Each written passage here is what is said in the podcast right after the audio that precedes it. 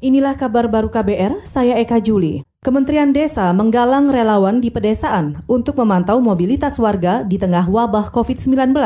Menteri Desa Abdul Halim Iskandar mengatakan, saat ini jumlah relawan di pedesaan mencapai 1 juta orang. Para relawan akan membuat 84 ribu pos jaga untuk memantau mobilitas warga dari dalam dan luar desa, terutama terkait mudik lebaran. 40 ribu desa atau sekitar 53 persen yang sudah uh, membentuk relawan desa lawan COVID-19.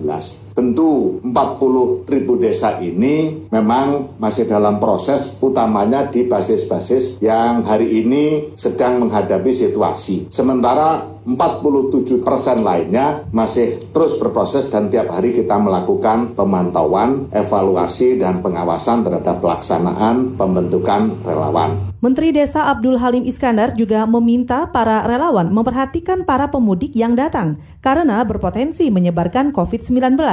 Para relawan akan ditugasi mendata dan mengawasi para pemudik. Saudara ahli epidemiologi Universitas Indonesia Pandu Riono memperkirakan puncak pandemi COVID-19 di Indonesia akan terjadi pada Mei nanti.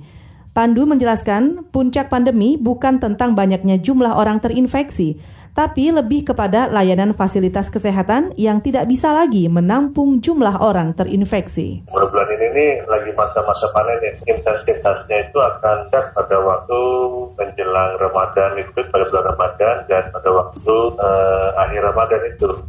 Ahli epidemiologi Universitas Indonesia Pandu Riono juga menambahkan, untuk bisa melandaikan kurva pasien yang butuh layanan fasilitas kesehatan, maka salah satu caranya dengan menekan atau membatasi pergerakan manusia. Saudara DKI Jakarta menjadi provinsi yang paling banyak merumahkan atau mem-PHK tenaga kerja. Menteri Ketenagakerjaan Ida Fauziah mengatakan hampir 450 ribu pekerja di DKI Jakarta sudah dirumahkan akibat dampak pandemi COVID-19 Jumlah itu diyakini masih akan terus bertambah. Kalau di Kementerian Ketenagakerjaan ini lebih banyak sektor formal baik yang dirumahkan maupun di PHK. Kalau dilihat dari provinsi Mbak, DKI itu termasuk provinsi yang cukup besar. DKI itu yang dirumahkan itu ada 449.545. Kemudian Jawa Barat, Jawa Tengah, Jawa Timur, kemudian Bali. Menteri Ketenagakerjaan Ida Fauziah menambahkan, jumlah total seluruh buruh dan pekerja yang dirumahkan atau di PHK mencapai 1,9 juta orang. Jumlah itu berasal dari 114 ribu perusahaan. Saudara nilai tukar rupiah terhadap dolar Amerika Serikat melemah pada pembukaan perdagangan pasar spot hari ini.